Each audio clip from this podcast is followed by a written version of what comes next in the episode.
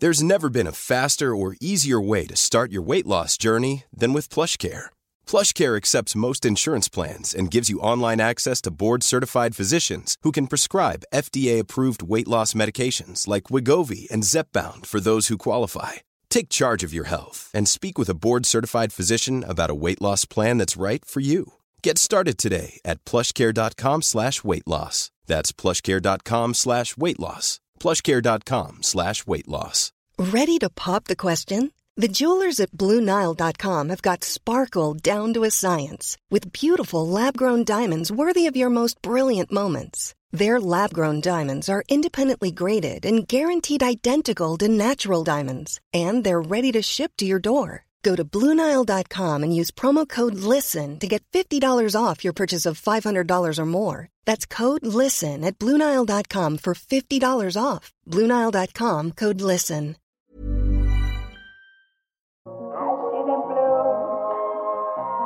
And you, and I think to myself,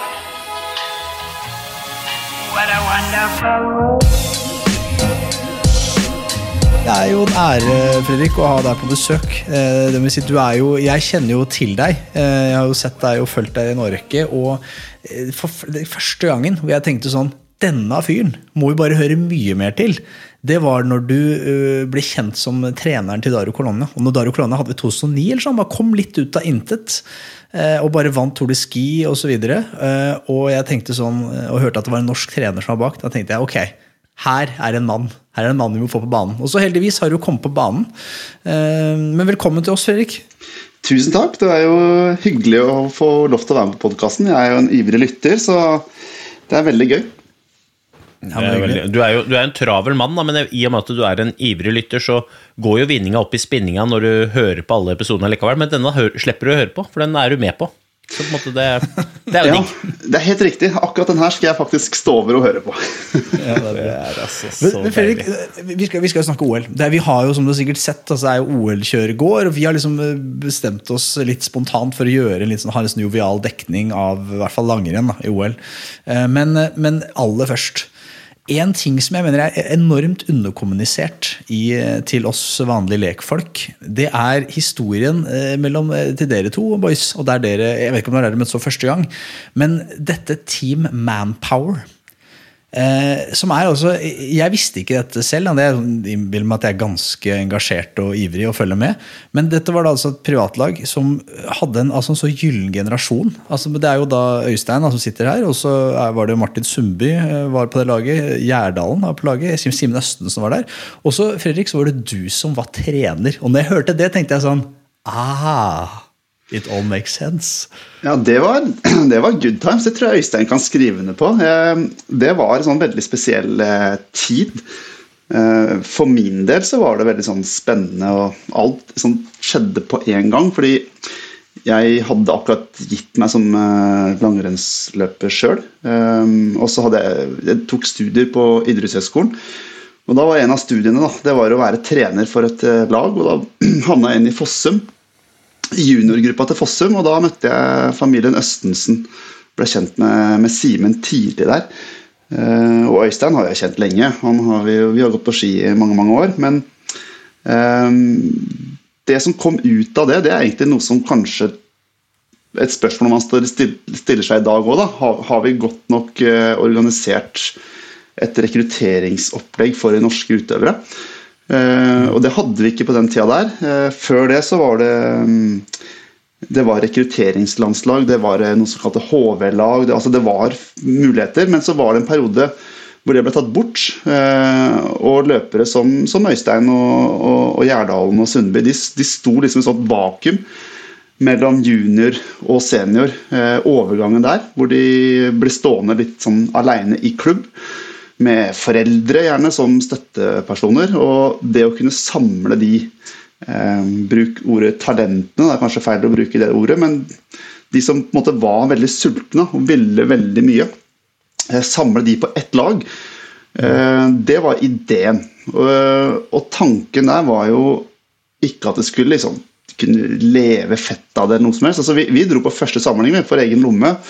Jeg vet ikke om du husker det, Øystein, hvor vi var da, men det var nede hos Gjerdalen her, på Sundvolden. Ja. Ja, ja, ja, ja. Jeg har referert til det et par ganger. Ja, vi hadde, ikke, Altså- vi hadde ikke penger, så vi, vi dro opp dit og booka hytter og betalte av egen lomme. Eh, Og hele ideen, den tror jeg alle var med på, det var liksom det som var så genuint med Team Manpower. Det var at det var ikke sånn at det var én sjef og en leder og styre. Det var liksom alle som var der, ville oppnå noe. da. Og det var en helt sinnssyk holdning hos de som var med. Eh, Så ble dette til mer og mer, så fikk vi litt penger inn via noen referansepersoner. Det var jo gjerne kontaktpersoner til de som var med, da, altså støttepersoner. Og så, så må vi trekke fram Odd Seim Haugen som kanskje en av de mest sentrale, og Rolf Nyhus. De, de kom inn i bildet og ville veldig gjerne bidra. eh, og Trakk inn noen tråder, fikk inn noen sponsorer, og så, og så var vi i gang. da, Så vi klarte liksom å, å reise på samlinger. Så det der var et eventyr, altså. Ja, altså, jeg tenker sånn, Hvis du ser på hva det ble av den gjengen der, da. Det er jo flere medaljer på de gutta der enn det eh, er i de fleste andre. eh, Men det er jo, altså En ting er jo den gjengen altså Vi var jo på lag eh, I tillegg til de fire du nevnte, så var jo Roger og Djupvik der. Alle vi fem vi kom jo på landslag. Men, men bak oss Vi skapte en sånn kulturgreie, da. i hvert fall slik jeg ser det og opplevde det. Så skapte vi en sånn kultur hvor på en måte det å bli en del av den gjengen eh, ikke betydde at du hadde oppnådd noe annet enn å få muligheten til å fortsette å bli noe. Altså Vi, vi skapte et sånt trøkk, et sånt, øh, jeg liker ordet moment, da, men vi skapte et moment i den kulturen som gjorde at folk bare blei bedre gjennom å komme hver eneste dag med 110 eierskap til eget bidrag. Da. Eh, For etter at vi ga oss, eller ga oss ikke, men vi da eh, ble kvalifisert opp til, eh, til landslag, så kom jo løpere som Chris Jespersen, Eirik Bransdal, Anders Glørsen, Sjur Røthe Altså, det var så mange dyktige folk innom den trakta, og det eneste som var likt, var momentet som ble skapt tidlig. Men, men Finnes ikke dette fortsatt? da? Avarter av dette med disse rekruttlagene, regionale lagene og sånn? Det, var, var dette et slags regionalt lag, eller var det noe annet? dette? Ja, Dette var et rent privat uh, lag, uh, satt sammen av eh, litt tilfeldige personer. Men eh, sponsoren Veidekke gikk jo inn til, eh, også på et tidspunkt der, og så ble de regionsponsor etter hvert. sånn at det var jo på en måte en start på, på noe. og hvis du ser på det er ganske mye, har noen morsomme historier der. for Hvis du ser på alle som går rundt med disse Blitz-brillene Det var jo vi som starta. Det var jo Vi fløy rundt på Hva heter den låven oppe på Oppe på Nadderud der. Ja, ikke sant? Og, og var på våre knær da, om å få noen briller og få noen klær. Og vi hadde noe Sinisalo-klær, skiklær. Jeg har et, På hytta vår på Beitostølen så henger et av det, første sponsorbildet. da. Vi hadde noen, hadde noen sånne drikkeflasker og noen energibarer. og Det var liksom helt kokos. Men det er dødskult å se det i dag, fordi at eh, det var, liksom, det var så kult. da. Og vi ville så gjerne mm, gjøre det. Altså, en annen ting jeg synes er det, det momentet du snakker om her, det var jo sånn når vi dro på samling, så satte vi oss sammen og vi snakka om hva skal vi trene, eh, hvordan skal vi løse tekniske oppgaver. Eh, alt mulig som hadde med utvikling å gjøre. da det ble en sånn kultur hvor vi faktisk eh, hvor det ble en sånn diskusjon. da, og det var mange, Tord han kom med sine sære eh, ting fra, fra sitt eh, opplegg. ikke sant, og Så kommer Øystein med klare meninger fra seg. Og så har du Østensen da, som eh, holdt nivået relativt greit oppe på høsten der eh, hver, hver sesong. Så det var som alle hadde sine egenskaper. da, Men, men igjen, jeg må bare trekke frem det derre Jeg tror alle ble eh, fikk eierskap, som Øystein sier. Og så var det det at man, man lærte utrolig mye. Da. Jeg husker annet eh, Vi var oppe på Sognefjellet der, og så skulle vi gå en sånn testløp fra bånn der opp. Jeg tror, jeg tror vi satte rekord. Jeg tror aldri det ble gått fortere opp der, Øystein. Nei, altså det var jo da det, Sognefjellet er der hvor alle landslagene ligger. Og så i, på Sognefjellet så er det da en sånn eh, legendarisk rulleskitest fra er det Bøvertun det heter, da, og så opp til Krosbu. Eller, ja. Og, og der hadde da Bjørn Dæhlie rekorden. Og så husker jeg vi skulle gå det rennet, og så husker jeg det blåste ganske gunstig. og Så husker jeg vi varma opp nede, så sa jeg fuck it, gutta, i dag Skal vi slå den jævla rekorden? Vet du hva? Jeg er ganske god til å gå ned i bånn her. Jeg ofrer meg alt jeg kan. Jeg går alt jeg makter her nede, og så må dere bare gå alt dere kan opp den bakken, og så slår vi den rekorden. Jeg tror faktisk alle gutta slo rekorden til Bjørn Dæhlie. Og da gikk det gjeterord om at vi hadde juksa, husker jeg. Nei, det, Det var ingen som trodde ikke, og på denne rekorden. Nei, og, og, men, men, men hvis vi var ganske gode den vinteren Jeg husker det samme, jeg har det samme oppfatninga. Liksom det der, vi skapte et sånt trøkk som ingen trodde var mulig å gjøre. Men dette er jo litt interessant for å dra det inn til nåtid og, eh, og kanskje kvinnesiden i, i norsk langrenn. Da, hvor altså, jeg har alltid stilt meg spørsmålet hvorfor har det seg sånn at det ofte er du har sånne generasjoner som kommer. Det er stort sett alltid en, det kommer alltid, det kommer veldig sjelden én alene. Altså, du har noen unntak med Petter Northug, kanskje Bente Skari var litt det samme. Men stort sett så kommer det en sånn generasjon, og så blir det ofte et gap på kanskje ti år hvor det, vi, vi sliter med å fostre opp talenter, og så kommer det en ny runde. Er dette, er dette kultur, da? litt sånn som du beskriver her? at her, det, her hadde dere Er det, er det summen av individene? Hvorfor, hvorfor dør en sånn kultur? Hvorfor er det så vanskelig å holde en sånn kultur konstant? Nei, Det er et åpent, eh, stort spørsmål du stiller, da. For det handler jo om egentlig det som skjer i dag. Eh, når vi ser på OL-distansene, så har vi ei jente som heter Therese Johaug, som er eh, verdens beste skiløper. Og så er det et eh, stort, stort gap ned til de andre norske. Og det er jo så ille at vi faktisk ikke klarer å stille mer enn tre til start. og for eksempel, Vi skal se på en tremil her til slutten av uka. altså Hvem skal gå den? altså Vi, er der. og Det er litt, det er litt trist, fordi at øh, jeg leser i avisa at langrennssjef Bjervik ikke vet hva han skal gjøre med det, og da blir Ragnhild Haga og Anne Kjersti Kalve irritert. Det skjønner jeg godt også. Men spørsmålet ditt er liksom hvor, hvorfor, hvorfor varierer det? Vel, jeg tror at det har med sine naturlige årsaker. Det svinger alltid. Nå er Sverige inne i en veldig god periode. Eh, Men jeg, jeg tror det handler om kultur.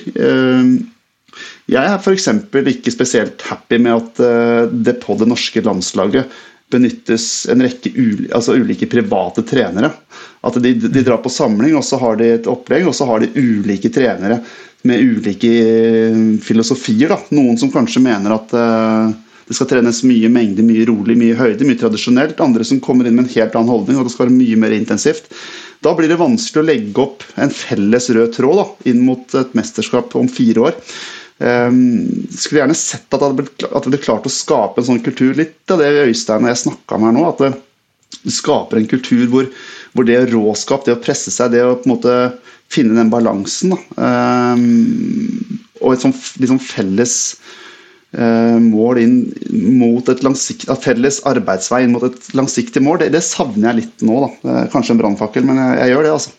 Ja, jeg er, helt, jeg er faktisk helt enig med deg, for jeg tror dette her dreier seg om altså det, er ikke, det er jo ikke det at disse jentene vi har, ikke vil, eh, men jeg tror at når det blir mange kokker, så blir det fort veldig mye søl. Også én ting er det, men når man da først samles, så samles man med litt ulik forståelse av hva det er vi skal faktisk gjøre. Og da ender man opp med at hver seiler sin egen sjø, selv om vi har lik sponsor i panna eller på drakta. Og så reiser man hjem, og så gjør man litt ulikt, og så er det på en måte sånn vi er ikke en gjeng som er enige og satte oss ned. Faen, jenter, dette klarer vi. Og det er en del som har pekt på at eh, litt av problemet nå er jo all, faktisk disse privatlagene som vi var med på å starte. At uh, istedenfor å samle alle jentene, eller ikke alle, da, men altså samle de i større miljøer som kan ha, skape dette momentet, så er de nå spredt på veldig mange forskjellige ulike og veldig dyktige privatlag. Men da mister de matchinga, mister de det trøkket, mister de s- samholdet, liksom. Og så faller nivået. Altså, Tyskland de, altså Jeg vet ikke hvor mange dameløpere som stiller på start i det tyske mesterskapet. Men Tyskland slår Norge i stafetten i OL. Tyskland slår, og tenk deg den dagen, og det er ikke sikkert den dagen er så veldig lenge til, Therese Johaug gir seg. Hvem er det vi skal dytte inn da, da? Altså, det Det der er et uh, vi, vi har ressursene, men vi må samle de, tenker jeg da. Ja, Det er nesten blitt et luksusproblem at vi har en så god utøver som Therese Johaug. For hun, Når hun er på samling, så er hun på så høyere nivå at de andre faktisk ikke kan være med henne på, en, på alle øktene. Altså det, er, det er faktisk så stor nivåforskjell nå på de som er på landslaget nå. eh, at det, det faktisk kan bli en, en utfordring. Men så så er jeg enig. Um, Tyskland, det som skjer der, det er, jo, det er jo en gave til langrennssporten. At de tyske jentene nå leverer sånn som de gjør og tar medaljer på stafetten. og Se den gleden som skapes der. Det, er, eh, det gir motivasjon til videre satsing. Det er, det er helt overbevist om. Skal vi ta det med en gang, eller? Ja, men jeg vil være djevelens advokat jeg, på det dere sier. For jeg bare, før vi slipper det helt hvor jeg, jeg, bare, og det er sånn, jeg skjønner ikke eh, min, Bare for å utfordre det dere sier, da, for måte, argumentet deres er at det, at det kanskje er for lite samhold. At man, man gjør for mye forskjellige ting. Folk er for individuelle. Det er for mye individuell tilpasning, da, hvis jeg eh, parafraserer litt her. Eh, Men er det ikke nettopp sånn at eh, måte, når man eh, forskning og Vi kommer jo videre i verden, og vitenskapen kommer videre. Hva er beste, eh, hvordan bør man trene for å bli best? Og svaret, slik jeg har forstått det, er at det, er mer og mer det at individuell tilpasning er nødvendig. Folks kropper er helt forskjellige. Så altså Så Det en utøver må gjøre for å bli best, kan være noe helt annet enn hva en andre utøveren må gjøre for å bli like god. Så Ja, det, er, det er jeg jo helt enig i, men det er jo da trenerapparatet i Norges Skiforbunds ansvar å faktisk tilrettelegge for det. da, Og gjøre det innenfor disse rammene som vi har blitt enige om. Innenfor, vi, vi er en gjeng, folkens.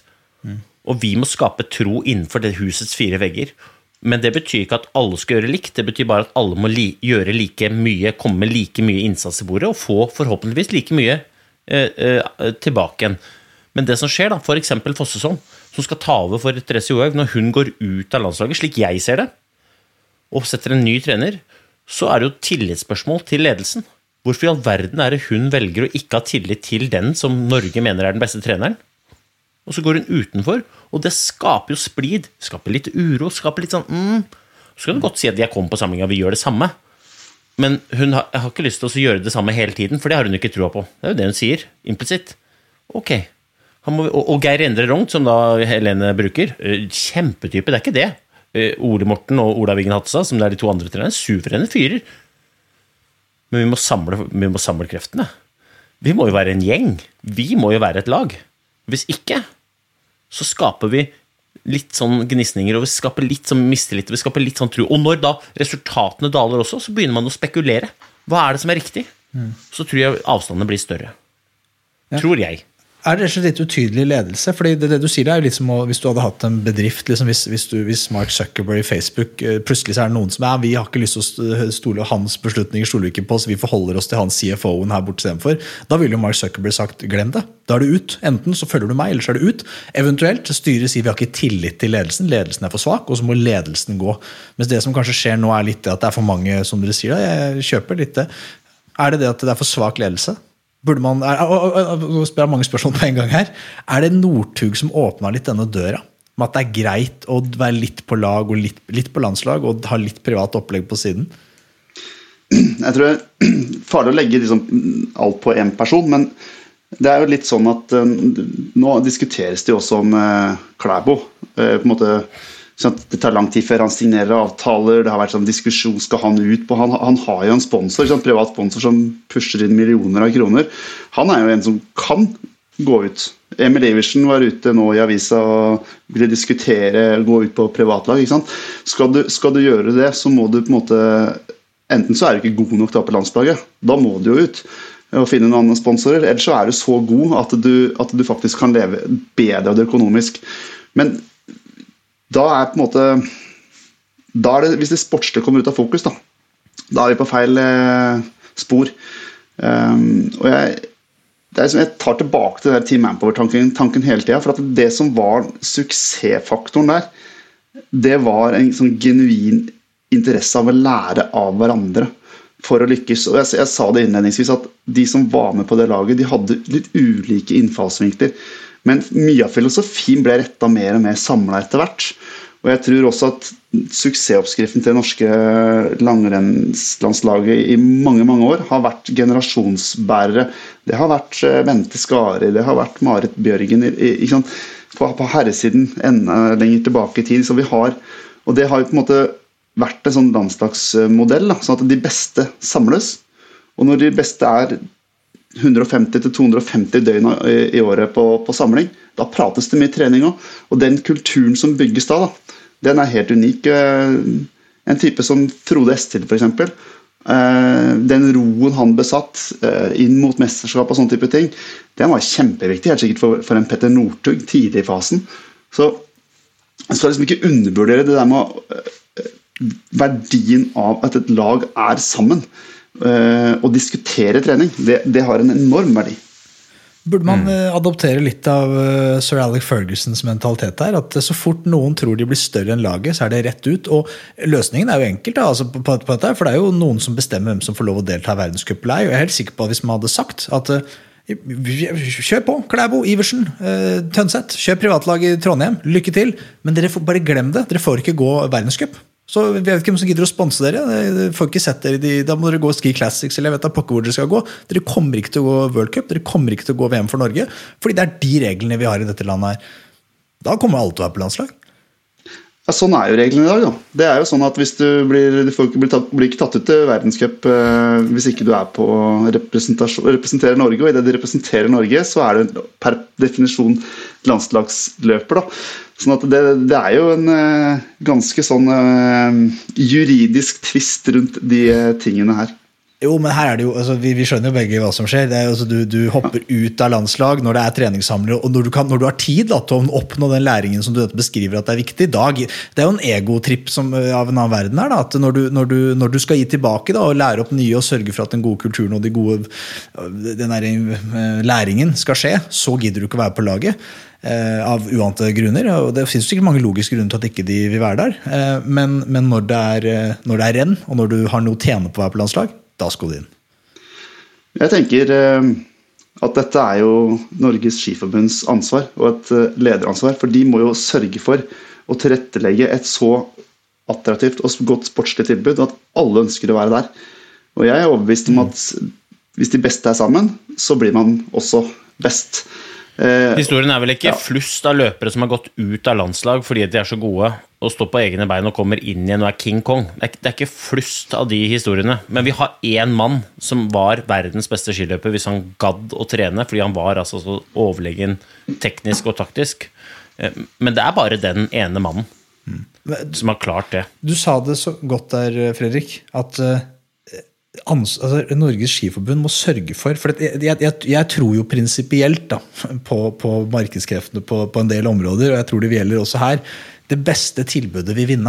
Så Hvis du har de beste trenerne, det beste miljøet, den beste pakka å tilby, så er det ikke noe problem. Da kommer Klæbo, Iversen og alle kommer til å ville være der. For det er der de, for syvende og sist er viktig for dem. Det er å bli den beste idrettsutøveren de kan være. Det er å vinne mest mulig medaljer og flest mulig gule trøyer.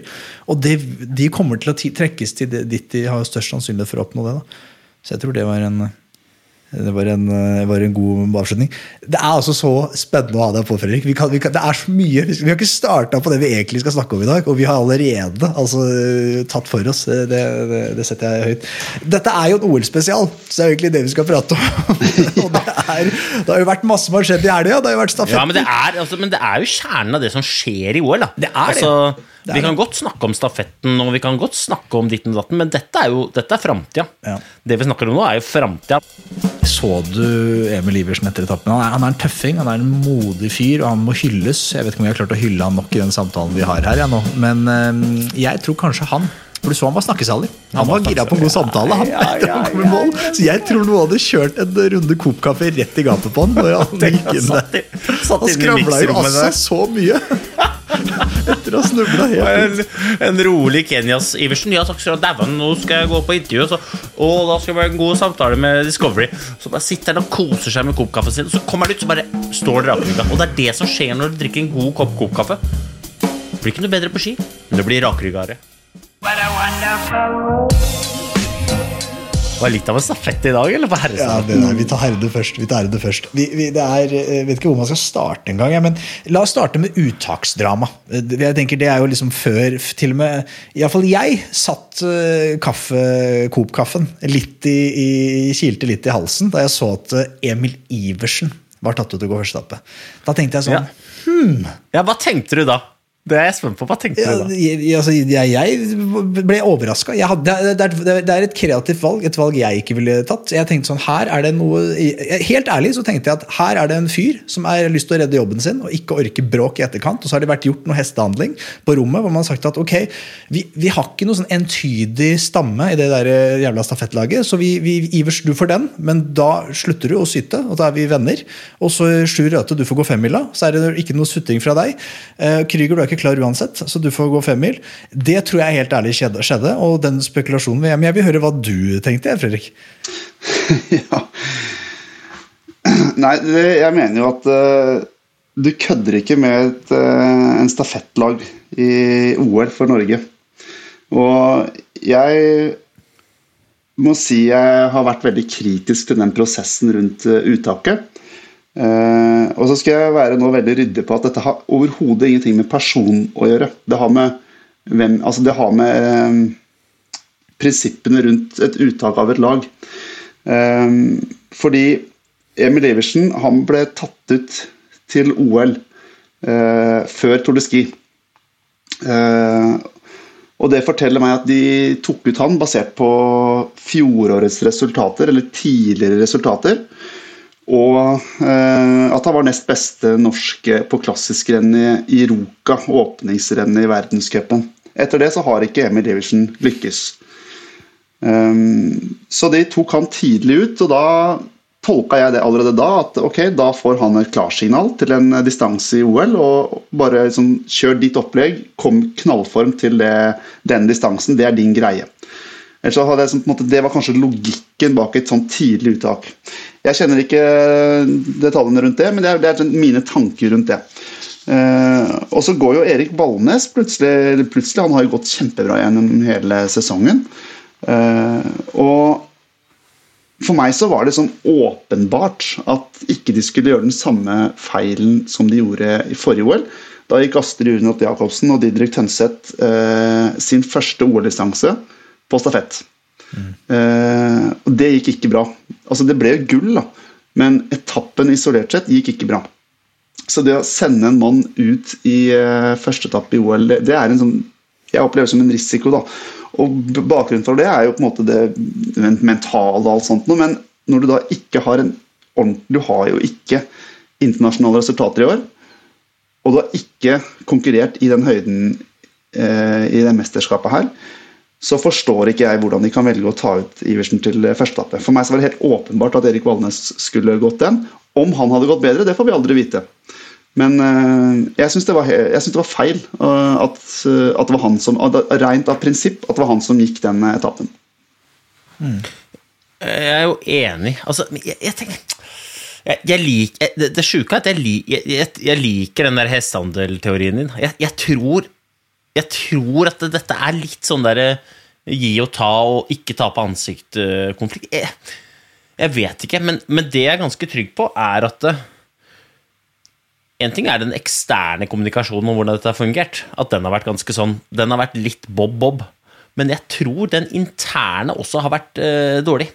Jeg tror dette har vært en sånn Faderen Dette er en floke vi har satt oss i, gutta, som er Den er vanskelig å komme ut av. Her må vi gi og ta, hvis ikke så Ja. Og, og det overrasker meg litt, da, fordi at, eh, som Fredrik sier, det er ikke første gangen at vi, eh, vi har prøvd dette i stafett. Og det andre er jo 2014 så tok vi ut Finn Hågen Krogh. Han fikk klarsignal til å gå sprinten i OL. Og så vinner Ola Wiggen Hattestad siste rennet i Tåblakk. Og så bare blir Finn Hågen Krogh, som har fått klarsignal, forberedt seg så godt du kan til OL, han blir vraka. Ferdig. Og Ola Wingen Hatsa kommer inn på laget, og det var rett. Ola Wingen Hatsa vant OL-gull. Ingen kan ta dem på det. Men prosessen den er helt håpløs. Og her har de faen meg gått i samme smella igjen. ass. Det er akkurat samme smørja.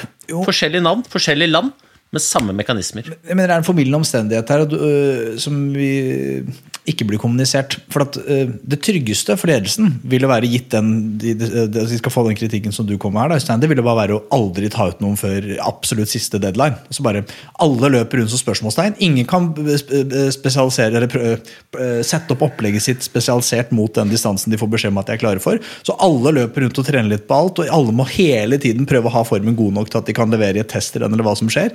Og da tror jeg vi vinner færre medaljer. da Eh, ja, det kan godt hende, men jeg tenker at det, det, må Men da må Hvis man skal gjøre et sånt uttak, så må ting gå i henhold til plan. Det er riktig. Altså, da, man, man, må stå for det man sier. Da. Det, er kanskje, det er vel det som er litt av og det, Jeg skjønner. Ja, men, ja, men, ja, men En ting er fra ledelsens side, men en annen ting er fra utøverperspektiv òg. Liksom, vi, vi, må klare å skape Hvis vi skal tilbake til Team Manpower-mentalitet, da eller Olav Wien Hattestad-mentalitet Olav Wien Hattestad Han ble litt sjuk i 2010 og ga bort plassen sin til meg fordi han kjente at han var litt under pari. Han var litt under pari. Han kunne gått den etappen. Selvfølgelig kunne han gjort tatt sjansen. Men han gjorde ikke det. Det må gå i henhold til plan. Det der er tillit som må gå begge veier, og så må det kommuniseres i hvert fall internt. Er ikke det urimelig det å forvente er av Er det det? utøvere, ja, utøvere i 20-åra at de skal, som det eneste de vil her i livet, er å, i hvert fall fram til det punktet i livet, så tror de at det eneste som betyr noe i livet, er å vinne medaljer i mesterskap. Spør Olav Wien Hatsen om det, da. Jo, jo, jo, men ja, det, det finnes, eh, Han har vel unntaket som bekrefter den regelen, tror jeg. da Snarere enn at han er eh, normen. Jeg vet ikke hva du eh, tenker om det, Fredrik? Nei, jeg, tenker at uh, disse prosessene vi snakker om nå, da det, Man kan jo diskutere en sånn sak uh, Det er kun den det det, til slutt det gjelder, som kan svare for ordentlig for seg på dette her. Men jeg syns det prinsipielle rundt det her er uh, Så får du klarsignal til å gå en, en distanse. Så, så bør du få gå den distansen. Jeg ser ingen grunn til å, å ikke skulle få den distansen da. Det vil, det vil være helt eh, urimelig, mener jeg, da. Så hvis det stemmer da, at uh, Emil Iversen, tilbake til han, da, har fått beskjed om at denne distansen skal du gå, så er, jo, så er det jo helt horribelt hvis ikke han får gå den i første omgang. Og så kan du tenke, Men så er spørsmålet har han, hvem har han fått beskjed av? Har han fått beskjed? Er det kommunisert, er det kommunisert mellom Bjervik, Nossum, eh, Monsen? Hvordan er dette her foregått?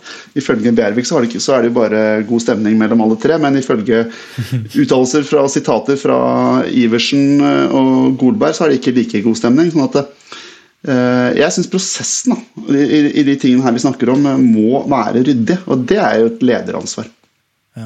Men, men når det Men i hvert fall så endte det i hvert fall opp med at vi Vi blei jo ah, Det var vondt å se på. ja. Ja, det, det, det, det var, vi, vi kan jo si det sånn at uh, Iversen har jo sagt det sjøl, at han, han tapte i dag et halvt minutt. Og det, Vi var jo aldri inne i stafetten etter det. Og så tapte jo, jo da um, Golberg også et halvt minutt, men det hadde han sannsynligvis ikke gjort hvis han hadde starta sammen med Bolsjunov. Ja, andre forutsetninger. Ja. Det Og så er det, sant, så har du Spitzov og Holund som hadde sånn det blir, Alt blir sånn kanskje, kanskje. Men sannsynligheten for at vi hadde kjempa om gull, hadde jo vært mye større hvis vi hadde hatt ryggen til Bolsjunova henge på, på ut på andre etappe. Det er i hvert fall en sikkerhet. altså.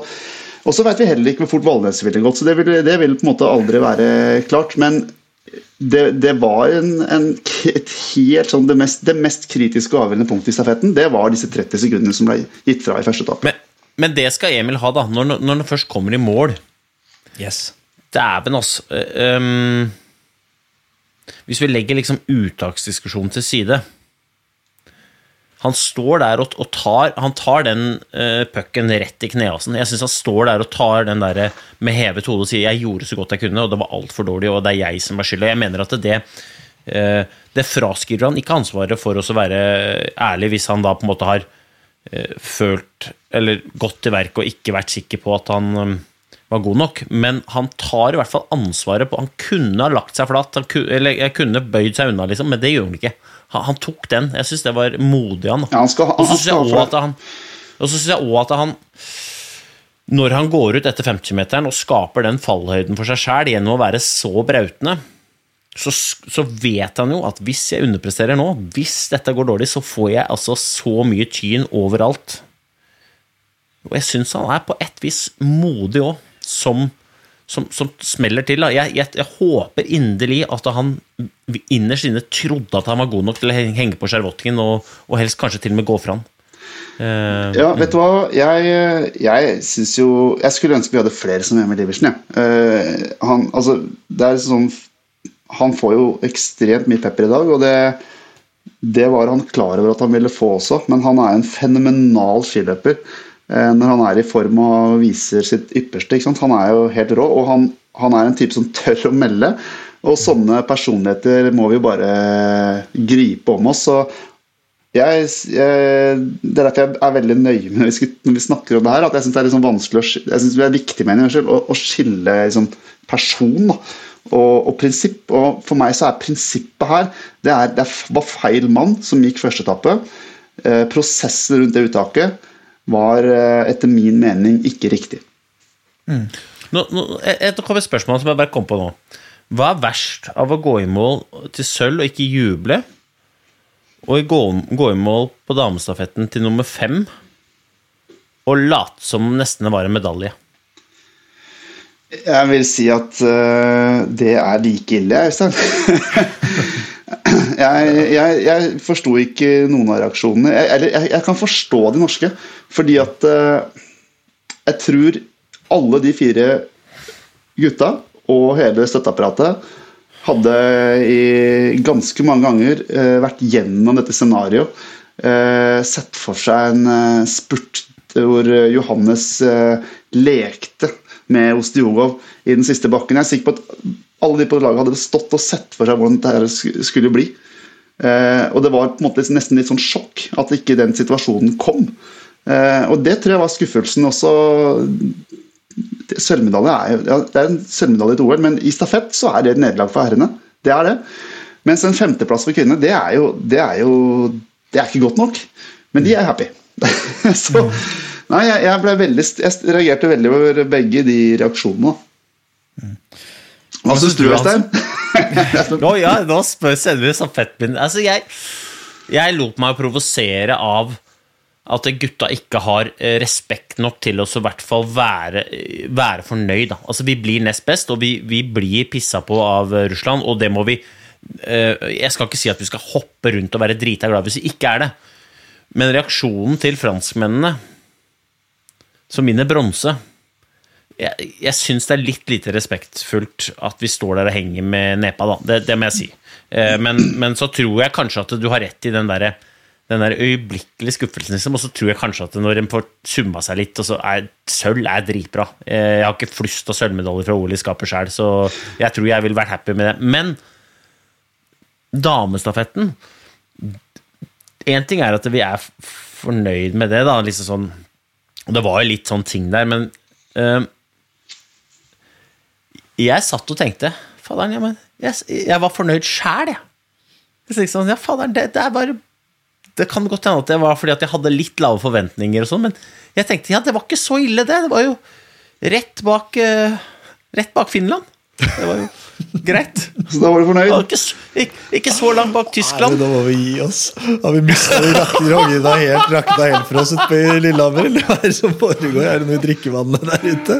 Ja, det, det, altså, det, var, det var ris til meg selv. Da. Så, faen, nei! Ja, ja. ja, Det er bra for sporten. Det er bra for sporten. Ja, det, det er en klisjé, Øystein. Men uh, jeg, når du sier Frankrike der jeg, jeg, har jo vært med i, i noen år nå. og altså Det derre franske engasjementet i det franske smørerteamet spesielt, det må oppleves, altså. Det er helt spinnvilt, og de eh, verdsetter prestasjoner. Eh, og det, ikke sant Vi snakker om å bygge en sånn kultur. da Det å unne hverandre suksess. da En som ikke har kanskje lykkes like mye, som, som går bort og bare er med og feirer en som lykkes. Det ser du ofte i den franske leiren mye oftere enn i den norske, eksempelvis. Så der er de, de er helt rå på det. Så, så, altså, sånn som Lapalou og, og Manificada de gikk altså med hjertet på utsida av drakta. De hadde ræva ski. Det var ingen som hadde dårligere ski enn de. Men hva gjorde de? Jo, ja, de var 20 meter bak i hver utforkjøring. Og så, vet du hva? Jeg bare gønner på, jeg. Fordi at Det er ikke noe vits at jeg bare legger meg ryggen på Klæbo. Jeg må forbi, for jeg må bare gå. Fordi de kjempa for medalje. Jeg så det første runden. Første runden, når Klæbo sklei forbi så, så Malifika bare rista på huet og, og vinka og veiva til sekundantene. Og sånn, ja faen, jeg har jo ikke glid. Mm. Og så bare mokka han på likevel. Altså, det, så, det, var altså, så, jeg er helt enig, det var altså sånn deilig å se. Ja. Et søtt trykk. Og såret på, opp på toppen av den siste bakken. Han var, liksom, altså, han var så knekt. Han bare sånn kan ikke du bare gå forbi meg før nedoverbakken, Klæbo? For det er så mye mindre ydmykende enn at jeg må bli glidd forbi. Liksom. Gå forbi. Gikk ut i løsene der sammen med sekundantene sine. Nei, faderen, ass. Men, men, en annen som skal ha ros i dag for etappen, det var jo Porroma. Yes. Ja, han, var, han var rå altså, i dag, altså. William Porroma. Ja. Altså, han starta altså så hardt. Jeg tenkte nei, nå Å, fy faen, dette, dette, er en hissig start. Ja, for Svenske frelseren, vet du. Han må jo levere, han. Ja, ja. ja, Men har jo levert også, til ja. de grader? Ja, ikke det? Jo, han har levert veldig bra. Han, eh, han gikk også under radaren på, på klassisken der, syns jeg. Han, eh, Han var meget sterk. Den sjetteplassen der, det var jo Det er bra, altså. Ja, ja, mm, ja, dritbra. Ja, veldig bra. Altså, Ja, apropos, vi snakker om Sverige. Eh, og, og hva, er din, hva er dine tanker om eh, Svenske herrene er vi litt inne på, de har, jo alle, de har jo ligget litt med brukket rygg. Så jeg mener jo de har kommet bra ut av mesterskapet, mener jeg, da, med tanke på utgangspunktet de hadde. Jens Burman har jo ikke akkurat vært i topp, tipp topp shape inn mot eh, mesterskapet. Og William Poromaa har levert. Eh, Kalle Halvarsson driver jo med sitt. Jeg vet ikke hva han, planen hans er fremover, dessverre. Han er jo en podfavoritt. Jeg vet ikke hva du, Ta først det, da. Fredrik, hva, hva syns du om eh, Kalle Halvorsson, og hva tror du om ham fremover? Jeg tror du vi ser han i løypene neste år òg? Nå som uh, hørte han skulle bli pappa og greier, så har jeg en ny motivasjon. Men uh, jeg, uh, jeg er usikker på om vi får se han fremover i sporet. Jeg tror Sverige må, må se etter den nye generasjonen som kommer. Uh, og det som Poroma har på en måte, Han blir den som på en måte kommer til å lede det, det an. Eh, Burman gikk meget bra i, i dag, syns jeg. Eh, og så er det noe med, da. altså Nå har liksom disse svenske jentene, først på sprint, men også distanse altså De leverer gang på gang på gang. Nå har riktignok Frida Karlsson vært eh, helt ute i dette mesterskapet, men de har vist da, at det går an. Eh, og jeg tror det kan smitte over på herrene. Så jeg tror at eh, Sverige kommer seg opp igjen. De har jo hatt begredelige resultater sånn egentlig på herresiden eh, i år. Men jeg mener at de har et mye større potensial enn de har fått vist fram. Og en, eh, blant annet Lars Jung i trenerteamet der tror jeg er type som kan virkelig bidra til å skape en sånn kultur som vi snakker om. hvor, så jeg, jeg har faktisk trua på de svenske herrene, men vi må få noe litt mer, litt mer tid. Ja.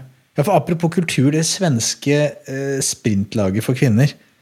Der er det noe, der har de noe drikkevann som er Der er det et eller annet som funker. Hva, hva er hemmeligheten der? Nei, de, de trener bra. Eh, det er eh, Jeg tror det er ganske altså, Du blir ikke så god sånn som du ser Jonas Sundling nå. da Hun, sånn at hun vinner Skandinavisk Cup i, i Falun, sant? og så er hun sprinter. Eh, Hun vinner distanserenn også. Hun, eh, måten hun gikk den Siste eh, sprinten på i OL, med både prologen og heaten, her var helt sinnssykt. Det er sånn, noe av det sykeste jeg har sett av kvinnesprint. Um, Og siste ikke etappe. Så har de Linn Svan, som, har, som på en måte er skada i tillegg. Altså, De har jo De har jo så mange nå, ikke sant. Eh, Dahlqvist som da um, har de egenskapene henne har. Så nei, de er, det er litt av et lag, altså. Så de um, De har gjort jobben riktig. Men distanselaget, altså for det er jo den store snakkisen mener jeg, på kvinnesiden nå, er jo egentlig Frida Karlsson, men også Ebba Andersson. altså Jeg jo hun også ikke har Hvis du ser hvordan de to jentene har vært de siste årene, og Frida Karlsson var før jul Hvorfor har det blitt som det har blitt? liksom? Jeg synes, Vi har snakka om det, Øystein. Vi, vi syns jo Frida Karlsson ser kraftløs ut. altså Hun ser ut som hun ikke har energi. Er det høyden? Er man uforberedt på det? eller? Nei, Jeg kjenner ikke godt nok til eh, treningsdetaljene til, eh, til Frida, men, men eh, det vi så av Frida tidlig i sesongen, allerede på Iroka, på Lillehammer, hvor hun var oppe og Det var jo sånne sekundstrider med Johaug. Mm. det er hun jo milevis unna nå i OL, og jeg tror det er flere årsaker til det. Jeg tror, jeg, jeg tror at først og fremst så har Therese gjort en helt sinnssyk jobb. Eh, altså, hun, har gjort alt riktig. Eh, så på en måte hun har tatt et kvantesteg i, i riktig retning. Og så tror jeg at Carlsson der har sånn som Måten hun har gått på en smell på nå, da, hun gikk jo fullstendig i kjelleren. Eh, og Det er nok en sånn kombinasjon av at formen ikke er god nok, og da går det på en skikkelig smell i denne høyden.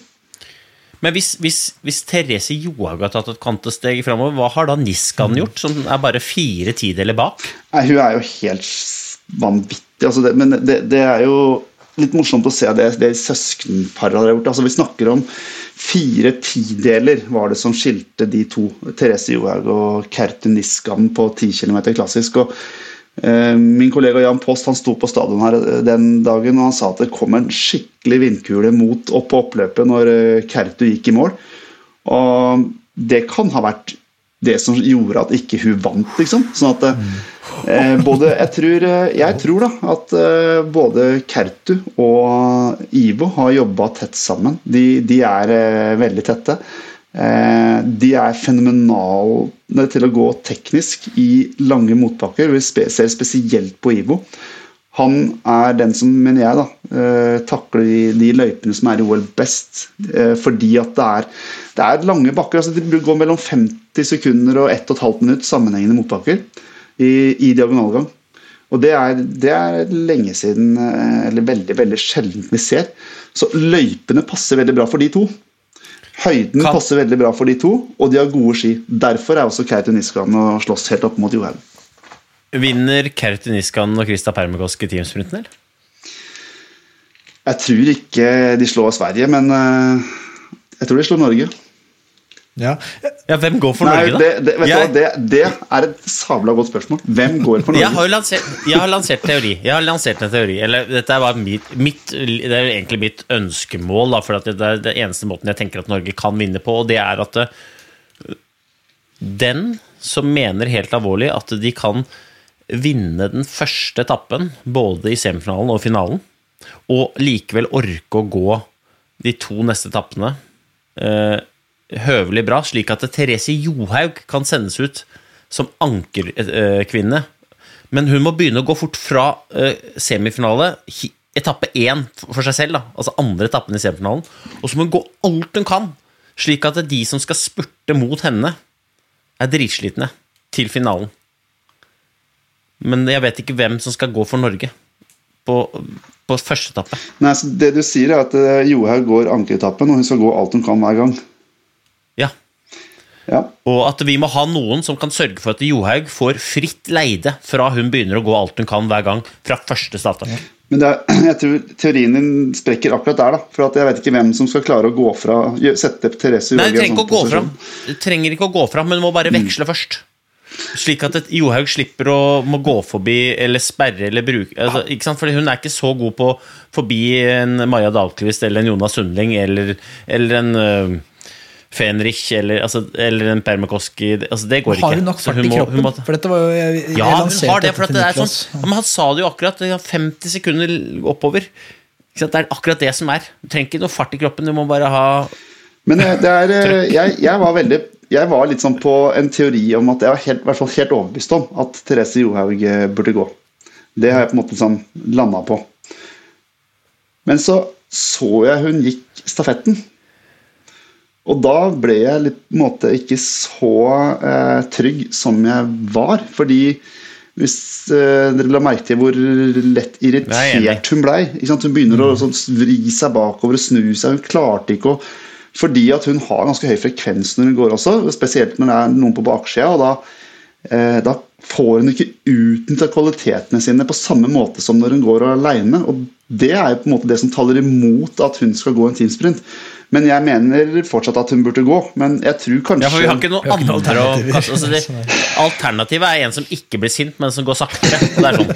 ja, altså, det er bedre med sinte, raske norske enn bare Men så er jeg, jeg veldig usikker på. Maiken, da, og hvordan det står til med Maiken, egentlig. Ehm, det er jeg faktisk uh, veldig usikker på. Uh, og det, det er jo det som uh, hvem, skal, hvem skal andre enn Therese skal gå den teamsprinten?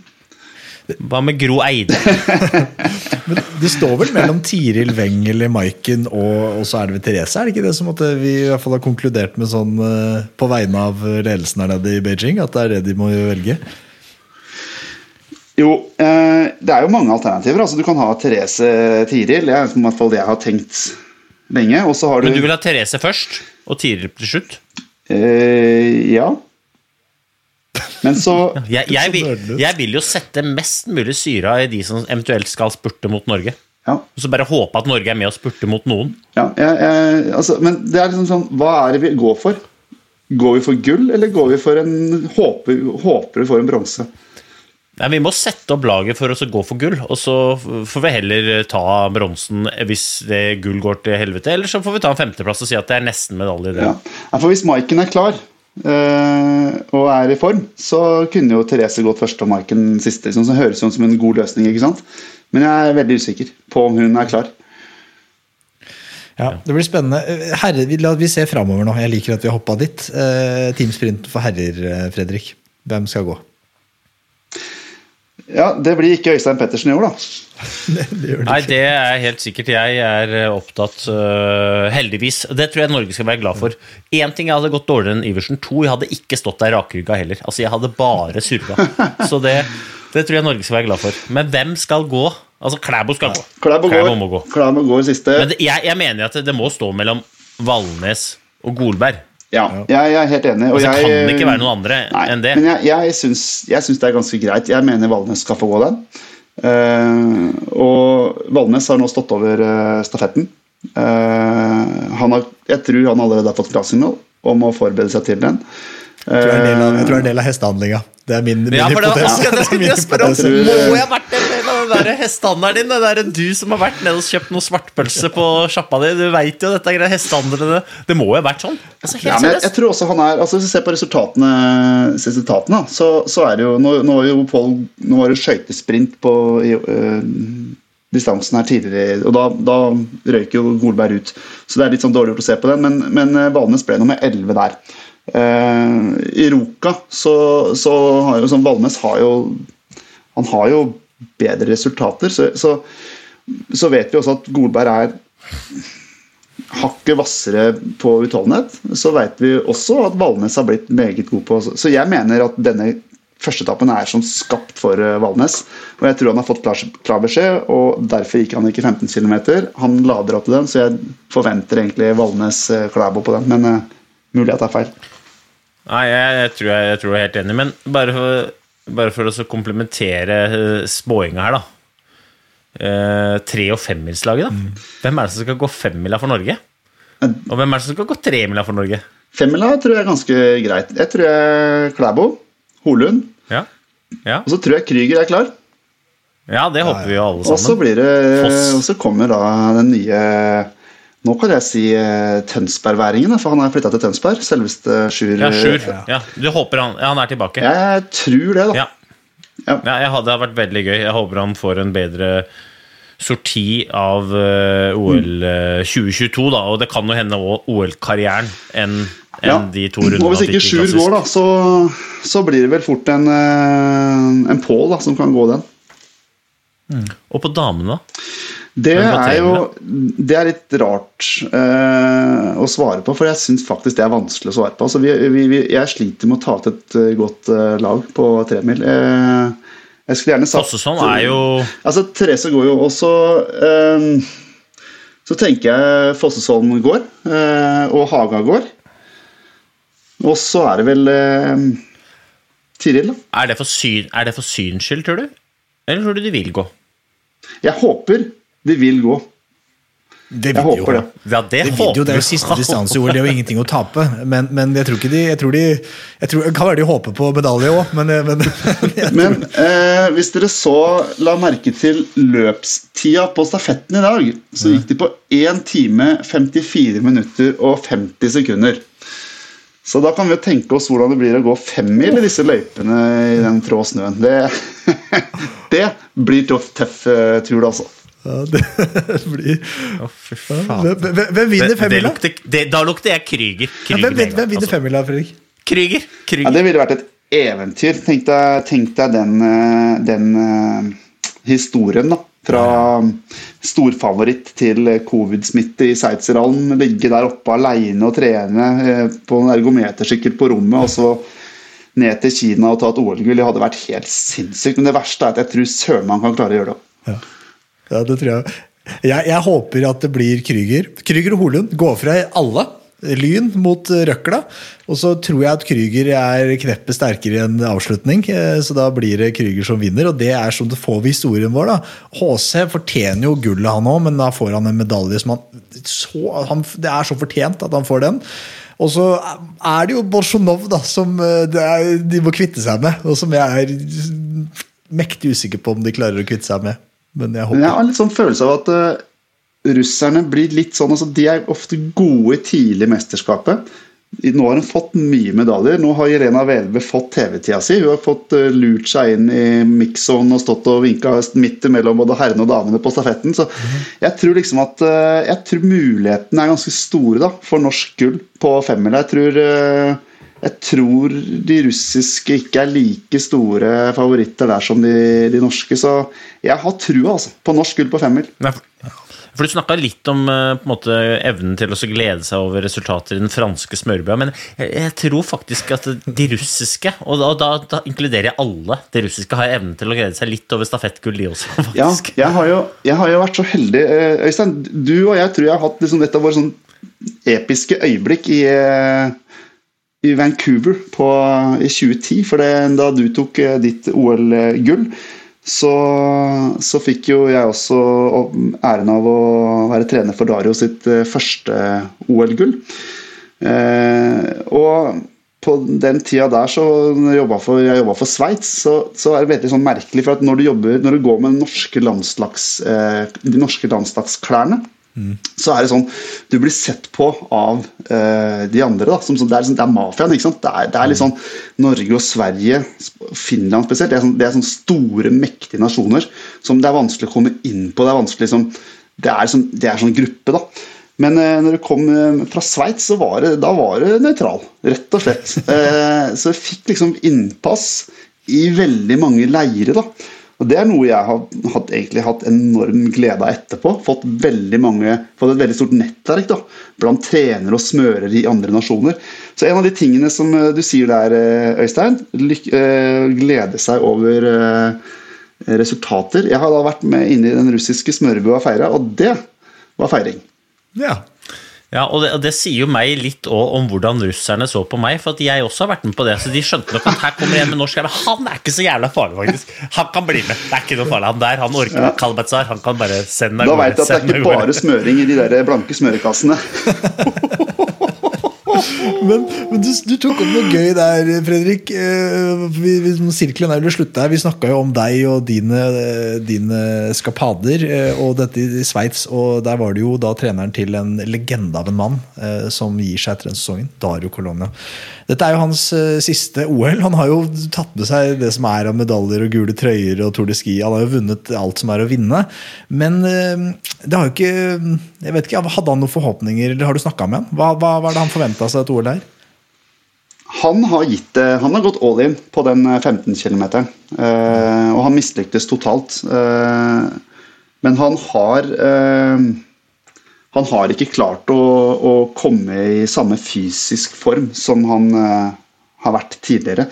Han skal riktignok gjøre et forsøk til på femmila, men han, han, det vil være veldig overraskende for meg hvis han klarer det. Han, han mangler den fysiske formen som skal til eh, nå. Men han har tre eh, individuelle gull på 15 km eh, og, og til sammen fire gull da, i OL. Så han har jo helt enorm eh, CV bak seg. Og det å på en måte fått være med på den reisen her har vært helt unikt. Altså Fra første året jeg kom ned der i 2008, så var det da viste de eh, kun ett renn i verdenscupen på TV, og det var når det var verdenscup i Davos. og To år etterpå, da jeg flytta hjem igjen, så viste de hele verdenscupen bl.a. Det, det, og det, det, skjedde så enormt mye der. Og han har jo vært en av de som har vært uh, viktig for langrennssporten uh, internasjonalt. Uh, som sveiter så har han liksom på en måte representert de tyske TV-seerne, de italienske, de franske.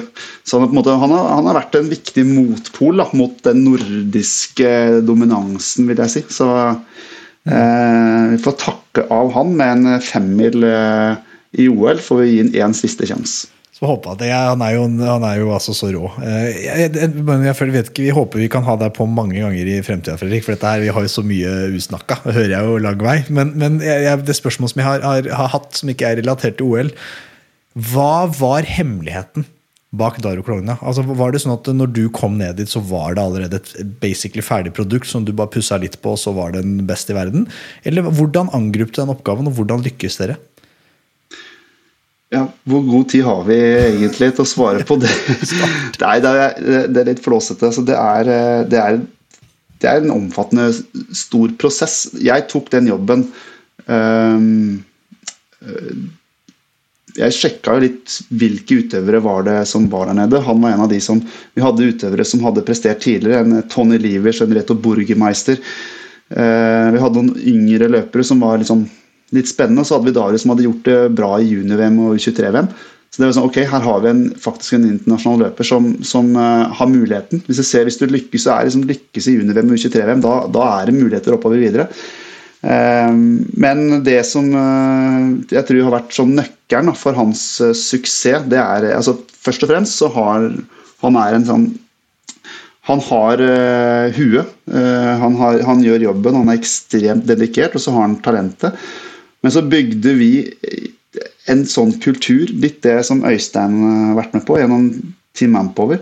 Uh, bygde en skikkelig kultur. Vi blei en sånn ordentlig sammenspleisa gjeng som diskuterte trening. altså Vi gikk der for å på en måte ha hemmelige trenere, hemmelige treningsøkter. Eh, ikke låne bort ski til hverandre, til å på en måte mm. begynne å jobbe sammen. da. Eh, og Det, det, det utnytta han òg. Sånn at eh, jeg tror han fikk mye av sin suksess pga. Altså den jobben og det de andre i teamet ga. Da. Så Det var et resultat av et, et lagarbeid. Så ble han den som tok, klarte å få det ut i prestasjoner. Så det var en helt sinnssyk prosess som jeg er veldig veldig glad for og stolt av at jeg har fått være med på. Ja, Det er kult. Vet du hva min favoritt var på det sveitsiske laget? Remo Burgermeister. Var ikke en som het det? Var ikke det? Nei. Nei. Remo Fischer eller Reto Burgermeister? Reto Burgermeister. Reto ja, ja. Burgermeister. Reto Burgermeister. Han var da Vi kan snakke mye om han også. Han var da en av de som står og rigger stadion i Davos i dag. Han er eh, kjører MC og driver med sykkelcross og alt mulig rart. Han er en skikkelig aktiv fyr. Ja, det er bra. Det er... Men, men, men, favoritten er Kurdin Perl. Altså, du er, altså, men det er fordi du og jeg kjenner historiene du... til Kurdin Perl. Jeg hører at dette her er For at Han traff meg i den russiske leiren, nemlig. Og jeg ble kjent med han inne i russiske Dette må vi ta på podkasten Gå på armbåndet, tror jeg. Boys. Dette går for langt. Det har vært en ære å ha deg på besøk, Fredrik. Jeg håper du kommer igjen veldig snart. Eh, så snakkes vi, ja, boys. Ha det bra. Takk skal du ha. Lykke til på Teamsplita, gutter. Lykke til.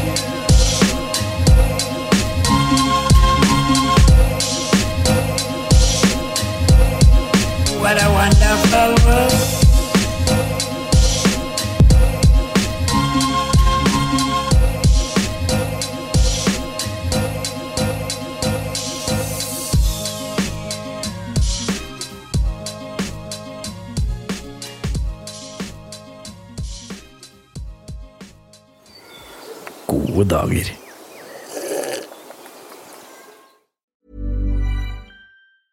Even when we're on a budget, we still deserve nice things.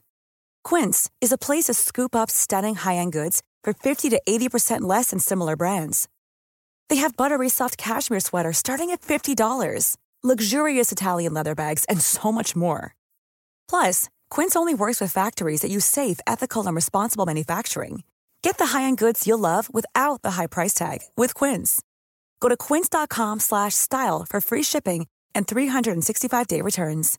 Imagine the softest sheets you've ever felt. Now imagine them getting even softer over time. That's what you'll feel with Bowl and Branch's organic cotton sheets. In a recent customer survey, 96% replied that Bowl and Branch sheets get softer with every wash. Start getting your best night's sleep in these sheets that get softer and softer for years to come. Try their sheets with a 30-night guarantee. Plus, get 15% off your first order at bowlandbranch.com. Code BUTTERY. Exclusions apply. See site for details.